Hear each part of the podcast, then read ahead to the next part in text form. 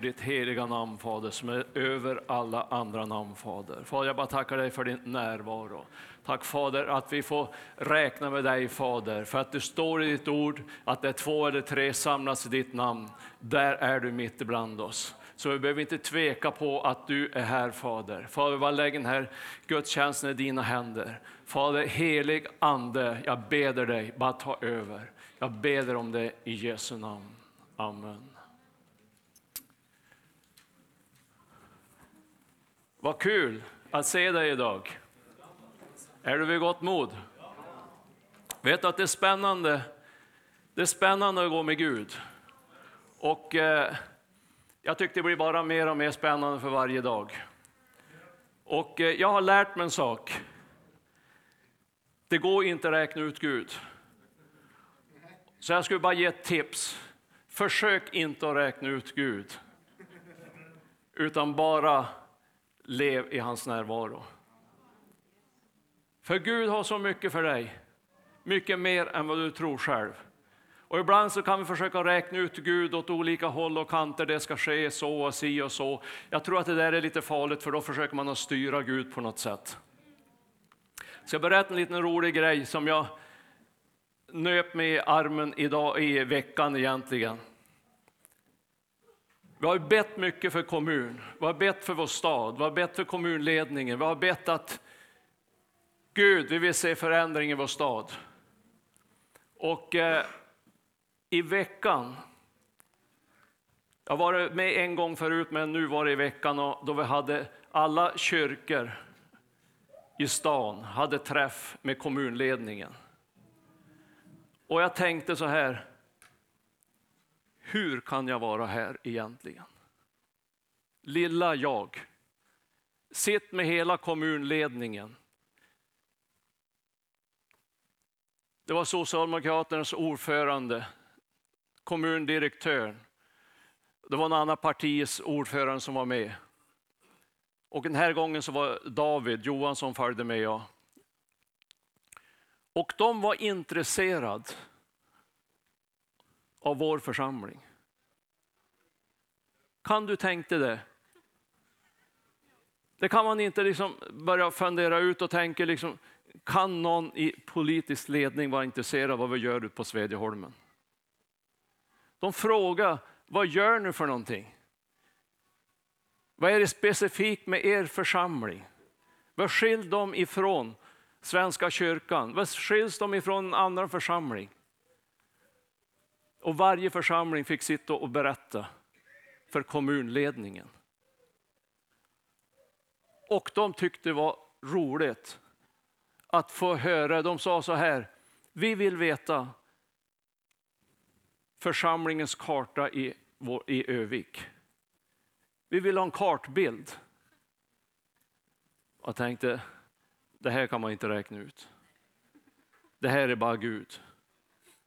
Så vi ska fortsätta att be för vår stad. Det lönar sig att be. Det lönar sig att be för kommunledningen. Det lönar sig att stå på. Tänk inte så här, blir det något borta? Duger någonting till? Det duger alltid till att be. Det är bön, det är ett starkt vapen som vi har. Jag tror att det är någonting på gång. Jag tror att det finns en förändring i sikte. Det finns en attitydförändring. Så vi ska bara fortsätta att stå på. Idag ska vi tala om Guds ord, att Guds ord är levande. Och eh, det är någonting som är så viktigt. Det är ett vapen som du och jag har emot fienden, emot allt som kommer emot oss. Vet du vad det är? Vårt vapen, det är Guds ord. Vi har inget annat vapen. Vi kan höra bra predikningar, vi kan höra fina predikningar och allt. Det står sig slätt emot Guds ord. Guds ord är Guds ord. Varför, hur, varför är det så jätteviktigt då? Jo, därför att det står så här i första Petre brev. Det står i första Peter brev 5. Och 8. Var nyktra och vaksamma. Er motståndare, djävulen, går omkring som ett rytande lejon och söker efter vem man ska sluka. Gör motstånd mot honom, orubbliga tron, och tänk på att era bröder här i världen utstår samma lidande. Djävulen går omkring som ett rytande lejon. Vi har en fiende som har bara en sak i syfte, i tankarna. Det är att föra krig mot dig. Det är bara att han har bara ett syfte, att få dig på fall. Det är ett syfte han har, det är att lura dig och mig. Det är bara det som existerar i hans sinne. Därför så är det så viktigt att vi är i Guds ord. Det står så här i Hebreerbrevet 4 och 12. Ty Guds ord är levande och verksam. Det är skarpare än något tvegat svärd och tränger igenom så att det skiljer själ och ande, led och märg. Och det är en domare över hjärtats uppsåt och tankar. Guds ord, det är skarpare än ett tvegat svärd. Vet du hur ett svärd ser ut? Ett svärd kan ha två äggar åt varje håll. Det står här att Guds ord det är som ett svärd som har ägg åt båda hållen. Och Det betyder att det svärdet det skär åt båda hållen. Det skär andligt, det kan skära kroppsligt, det kan skära liksom det som är runt omkring oss. Saker och ting som vi måste ta bort, saker och ting som vi måste ändra på. Det skär åt båda hållen, det har dubbel effekt. Det är det mäktigaste du kan jämföra Guds ord med. Det är ett svärd som är två, tveeggat, som har två eggar. Det är skarpt och det är det som gör skillnad. Det är det som är din skillnad och det är min skillnad. Det är det som skiljer mellan Guds barn och världens barn. Det är Guds ord som är ett tveeggat svärd.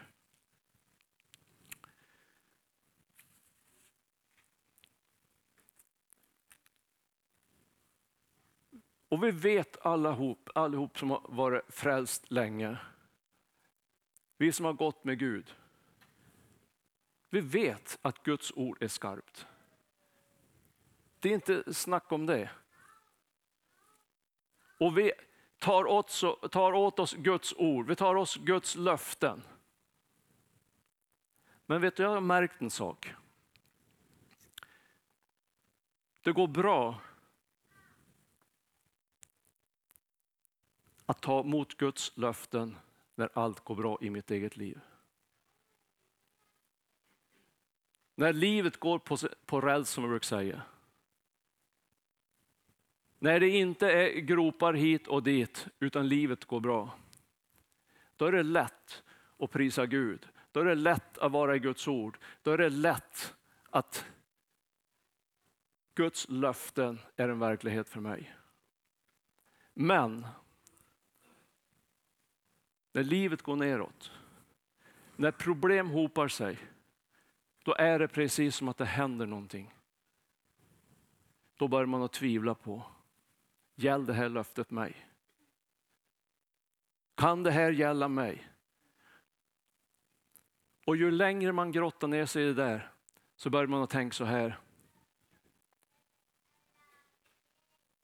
Det där löftet det gäller min granne. Men det gäller inte jag. För skulle det gälla jag, då skulle inte den här situationen vara som den är just nu. Och så börjar misstro och komma in, smyga sig in. Vet du vad som har hänt då? Då är den onde, vår fiende, har börjat så in otro att Guds ord är inte som ett tvegat svärd. Då börjar vi tro att Guds ord har tappat äggen. Då är det som vi tror att Guds ord har börjat bli slöare på något sätt. Och så börjar vi tycka synd om oss själva. Och så tänker vi, det här gäller inte jag egentligen. Men vet du att den lögnen den ska vi trampa under våra fötter. För det är inte sant. Det spelar ingen roll om du är på topp i livet eller om du är längst ner i botten. Guds ord är densamma ändå. Guds ord förändras aldrig. Guds ord är det stabilaste du kan stå på i ditt liv. Därför är det så viktigt att vara i Guds ord. Jag skulle liksom bara vill bara trycka på den idag att är Guds ord i tid och otid, jämt och ständigt. Glöm aldrig Guds löften. Glöm aldrig vad Gud har sagt. Det gäller fortfarande. Ja, men det känns inte så. Det har inte med saken att göra hur du känner det. Om du känner det miltals ifrån Gud så är Guds ord detsamma ändå.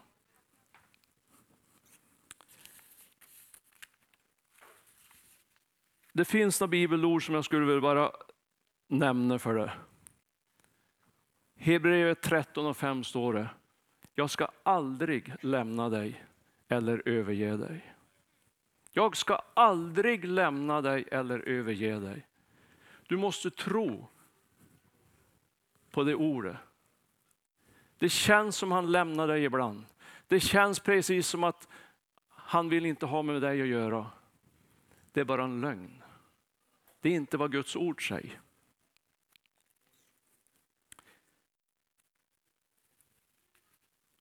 Har du märkt en sak? Att Guds ord, att det är skarpt. För att du kan få ett ord, du kan få ett bibelord, du kan få en ord från en annan människa och det följer dig hela livet. Du kan vara på ett möte, du kan höra en fantastisk predikan. När du kommer hem och det kan det vara någon som frågar dig vad predikan om. Jag kommer inte ihåg. Men det var bra. Det var fantastiskt bra. Men jag, kom, jag kan ha svårt att komma ihåg exakt vad han sa för någonting. Men ett Guds ord glöm du aldrig. Det är därför att det är levande. Det är inte dött. Jag fick ett ord 1995 och jag kan det än idag och jag vet precis exakt vart det står. Det får vara vilken pastor som helst som har sagt bara ett vanligt ord till mig 1995. Jag är bergsäker på att jag har glömt bort det. Varför är det så? Det är ett bevis på att Guds ord är levande. Att det finns kraft, det finns styrka i Guds ord. Det är inte vilket ord som helst. Det är Guds levande ord. Ofta glömmer vi bort att Guds ord, att det är liv i det. Du ska tänka så här då du läser Bibeln. Det jag läser nu, det vore detsamma om Jesus har stått fem meter framför mig och sagt de här orden. Det är samma sak, för att det är Guds ord.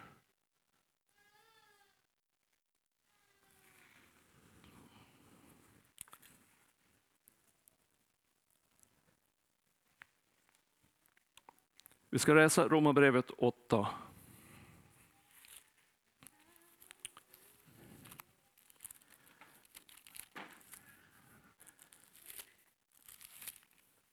Romarbrevet 8 och vers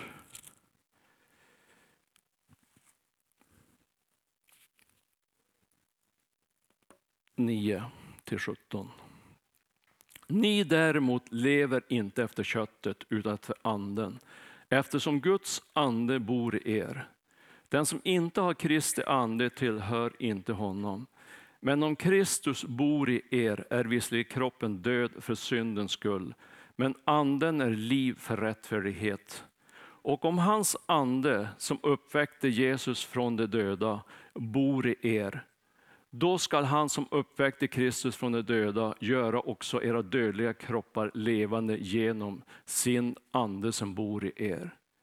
Vi har alltså skyldigheter bröder, men inte mot vår onda natur, så att vi skulle leva efter köttet. Om ni lever efter köttet kommer ni att dö, men om ni genom anden dödar kroppens gärningar skall ni leva. Ty alla som drivs av Guds ande är Guds söner. Ni har inte fått slaveriets ande så att ni på nytt skulle leva i fruktan. Nej, ni har fått barnaskapets ande i vilken vi ropar Abba fader. Anden själv vittnar med vår ande att vi är Guds barn. Men är vi barn är vi också arvingar, Guds arvingar och Kristi medarvingar. Lika visst som vi lider med honom för att också bli förhärligade med honom. Jag tycker det här är ett fantastiskt bibelord. Det är en uppmuntran. Och det här är någonting vi ska leva i och det här är någonting som vi ska bara ta vara på. Att samma ande som uppväckte Jesus från de döda, den bor i dig.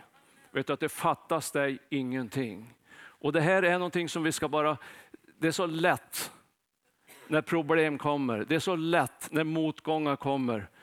Då läser man inte alla sådana här ord. Därför så ska man vänja sig vid att läsa Guds ord regelbundet. För det är liv för vår inre människa. För blir du inte glad då du läser en sån där vers, då vet jag inte vad jag ska göra, vet jag vad jag ska säga egentligen. Samma ande som uppväckte Jesus från de döda bor i dig. Vad betyder det? Att ingenting är omöjligt. Ingenting är omöjligt. Då kan Gud ta dig precis vart som helst. Då kan Guds planer för ditt liv gå i fullbordan även om det ser totalt omöjligt ut.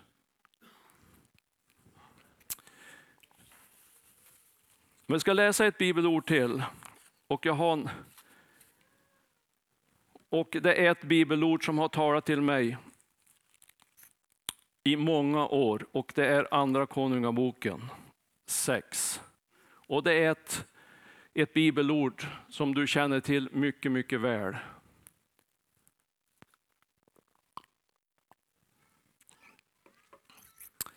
Och det är om den tappade yxan. Jag har lärt mig en sak genom livet, att allt du äger, allt du har, kan du förlora. Allt som är självskrivet kan du tappa bort. Det kan vara på det andliga planet. Men det kan vara materiellt, det kan vara hela ditt liv.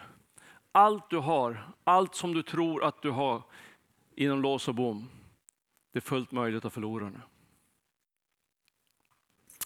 Vi ska läsa om den borttappade yxan. Och det är Andra Konungaboken 6.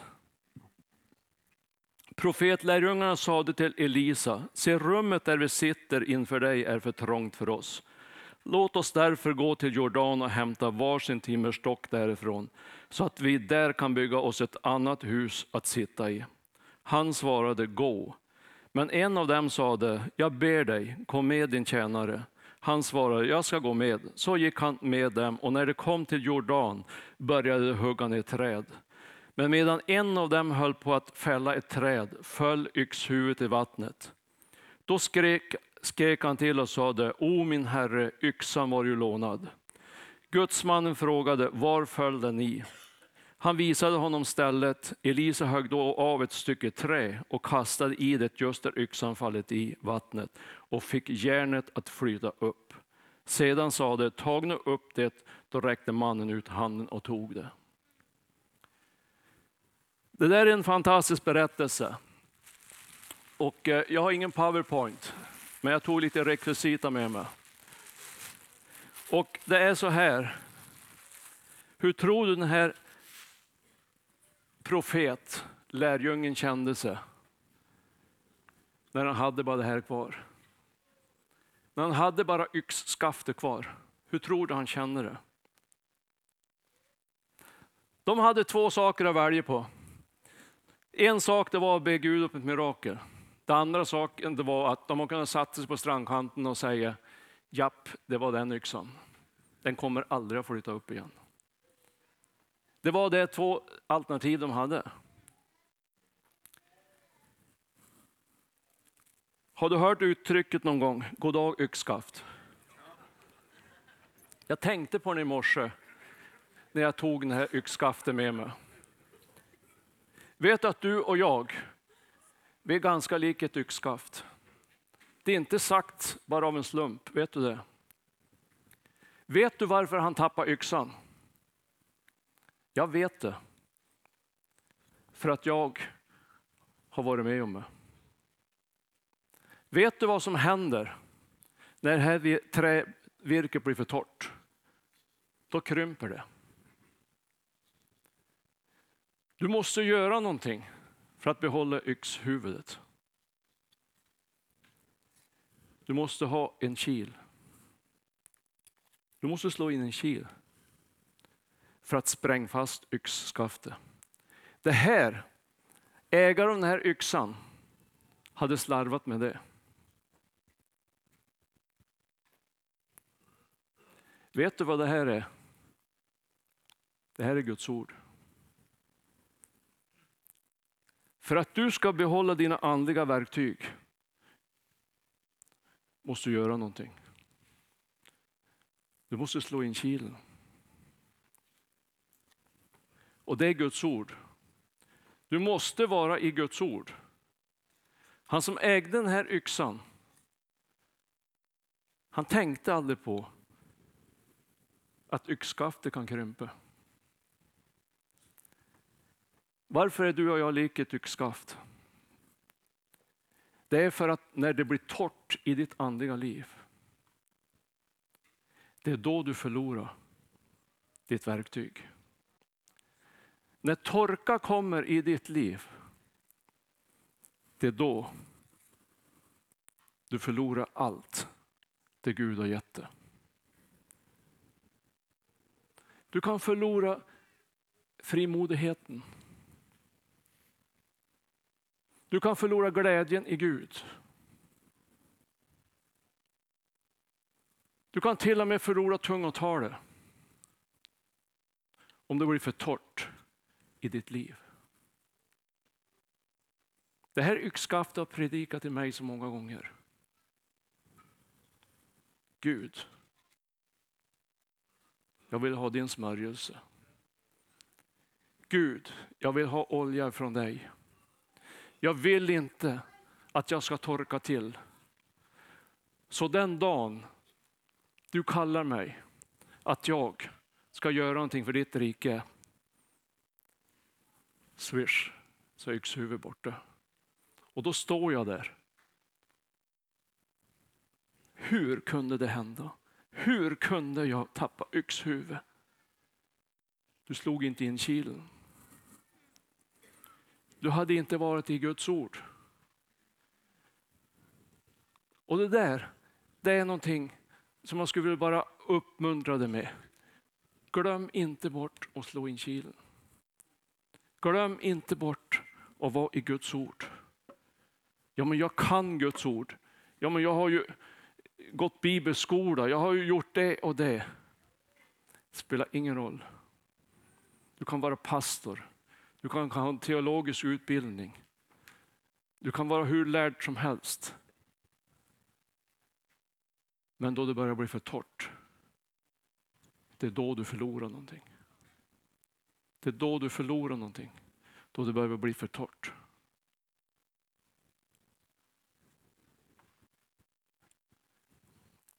Vet att jag känner en liten oro. Jag känner en liten ängslan över Kristi kropp. Och det, det börjar bli för torrt. Vi tar allting för givet. Vi tror att allt går på en räls. Jag kan lova dig, gör inte det. Kom aldrig att göra det. Ska vi se en förvandlad stad? Vill du se människor frälsta? Du får inte bli för torr. Och det är det här som ligger på mitt hjärta idag. Det är så viktigt med Guds ord så du kan inte ana hur viktigt det är. För det står att Guds ord är levande. Det är skarpare än tveeggat svärd. Det är liv i Guds ord. Och det är det du måste mata med. Om du tror att du ska ha liv i ditt eget liv, då måste du mata det med liv. Det är bara så. finns inga genvägar. Jag lovar dig, det finns inga genvägar.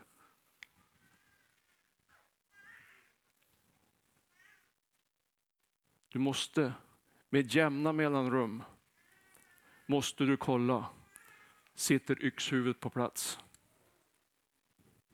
Med jämna mellanrum måste du kolla, har virket torkat någonting? Är, det- är det okej? Sitter det som gjutet? Nej, det börjar glappa lite grann, det börjar röras lite grann. Ja, men då, då, då, då måste jag se till att jag får, får in kilen ändå djupare. Och då är det bara Guds ord som gäller. Det är bara Guds ord som gäller.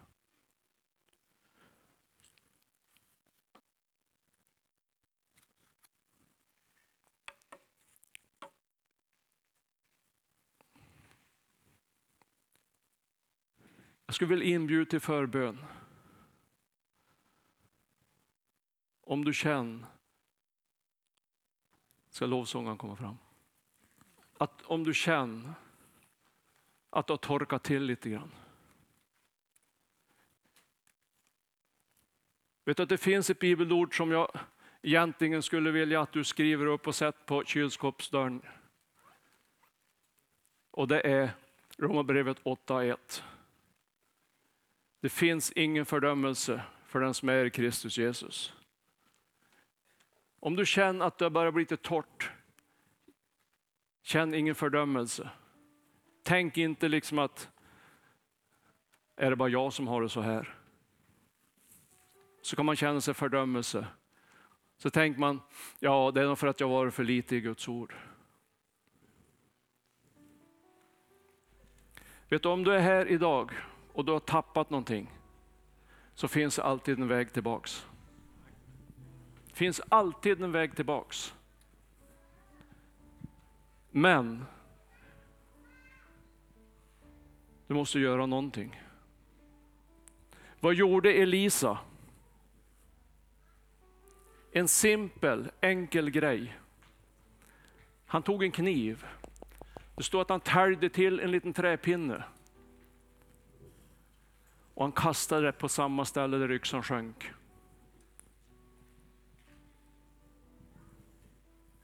Löjligt kan man tänka sig. Så barnsligt. Tälj till en träpinne. Men vet du, Gud är ute efter att du ska röra dig i en viss riktning. Det behöver inte vara stort, det behöver inte vara märkvärdigt, men du måste röra dig i en viss riktning. Och Gud är intresserad av små, små detaljer. Varför det?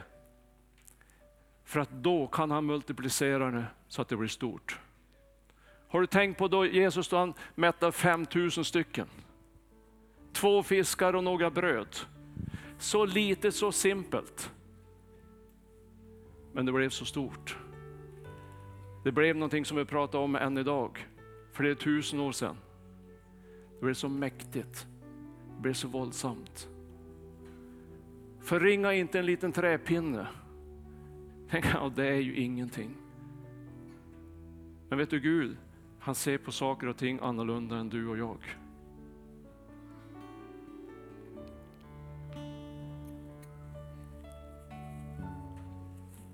Jag fick ett ord igår kväll som jag skrev ner.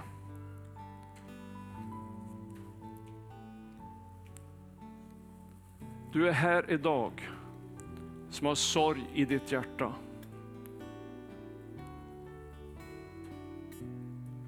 Du är på väg att ge upp.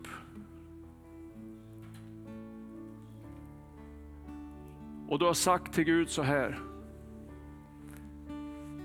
Ska det vara så här? Då vill inte jag leva. Det är det ord du har sagt till Gud.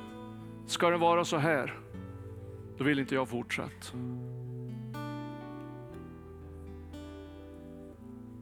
Vet du att det finns alltid en väg tillbaks? Det finns alltid en väg upp på banan finns alltid en väg upp ifrån diket. Men Gud kräver en sak av dig. Och det är att du måste vilja. Om du har kört ner i diket och det är någon som är villig att dra upp dig. Men om du snor ratten tvärs ifrån så du ska fara ändå mer ner i diket, då hjälper det inte. Du måste vilja.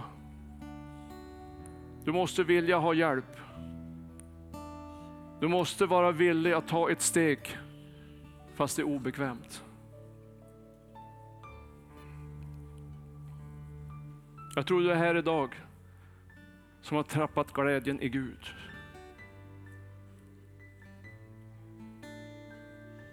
Du har tappat glädjen i Gud.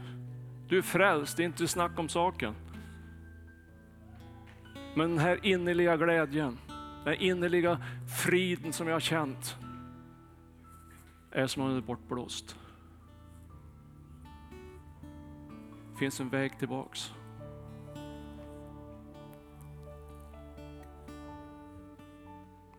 Vet du att jag tappade glädjen en gång för ett antal år sedan.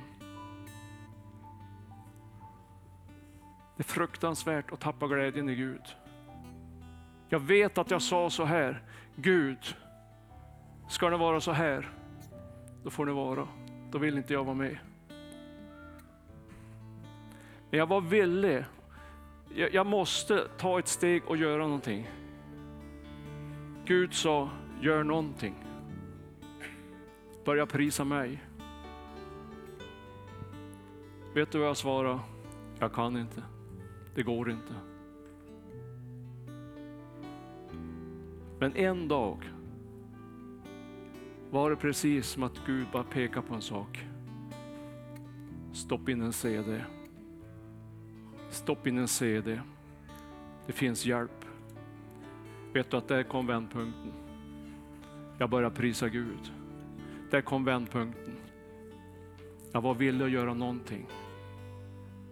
Sen har jag aldrig förlorat glädjen i Gud. För det lärde mig en sak. När du börjar på känna dig lite grann down, börja prisa Gud. Börja prisa Gud. Det är ett andligt vapen. Det är ett andligt vapen.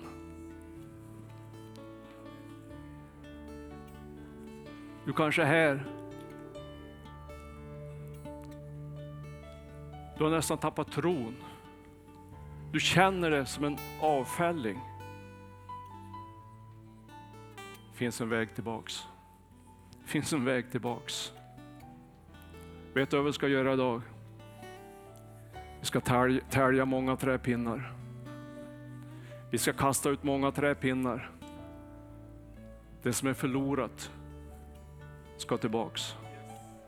Det som är förlorat ska tillbaks. Därför att Guds ord är skarpare än ett tveeggat svärd.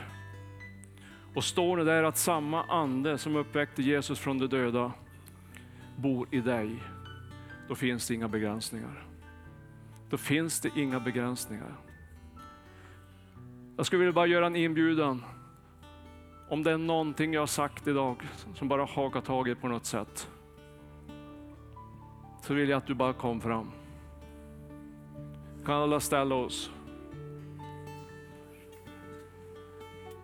Vi ska be att våra fantastiska lovsångare, att de tar med oss i en sång.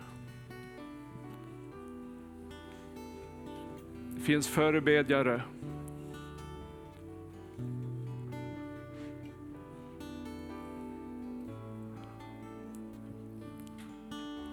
Det finns alltid en väg tillbaks.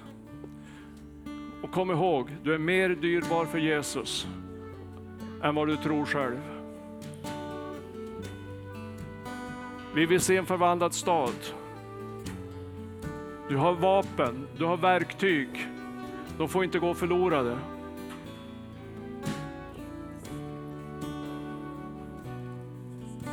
Så välkommen fram. Väl, förebedjare kan komma först.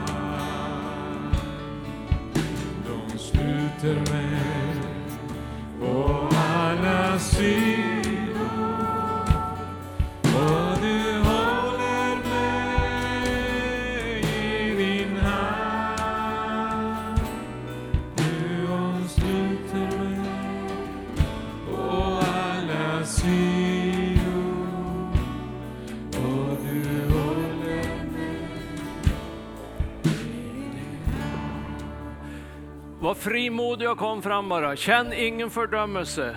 Egentligen ska vi gå fram allihopa. För jag tror det finns områden som vi har förlorat. Det finns områden som vi skulle behöva ta tillbaks. Så var frimodig och kom fram bara. Känn ingen skam på något sätt bara. Gud vill använda dig mycket, mycket mer än vad du tror själv. Gud vill använda dig. Det är för Guds rike, det är Guds rike som ska gå framåt. Det är människor som ska bli frälsta på grund av dig. Och han har inte råd med att inte du är med på banan. Så var bara välkommen fram bara. I Jesu namn.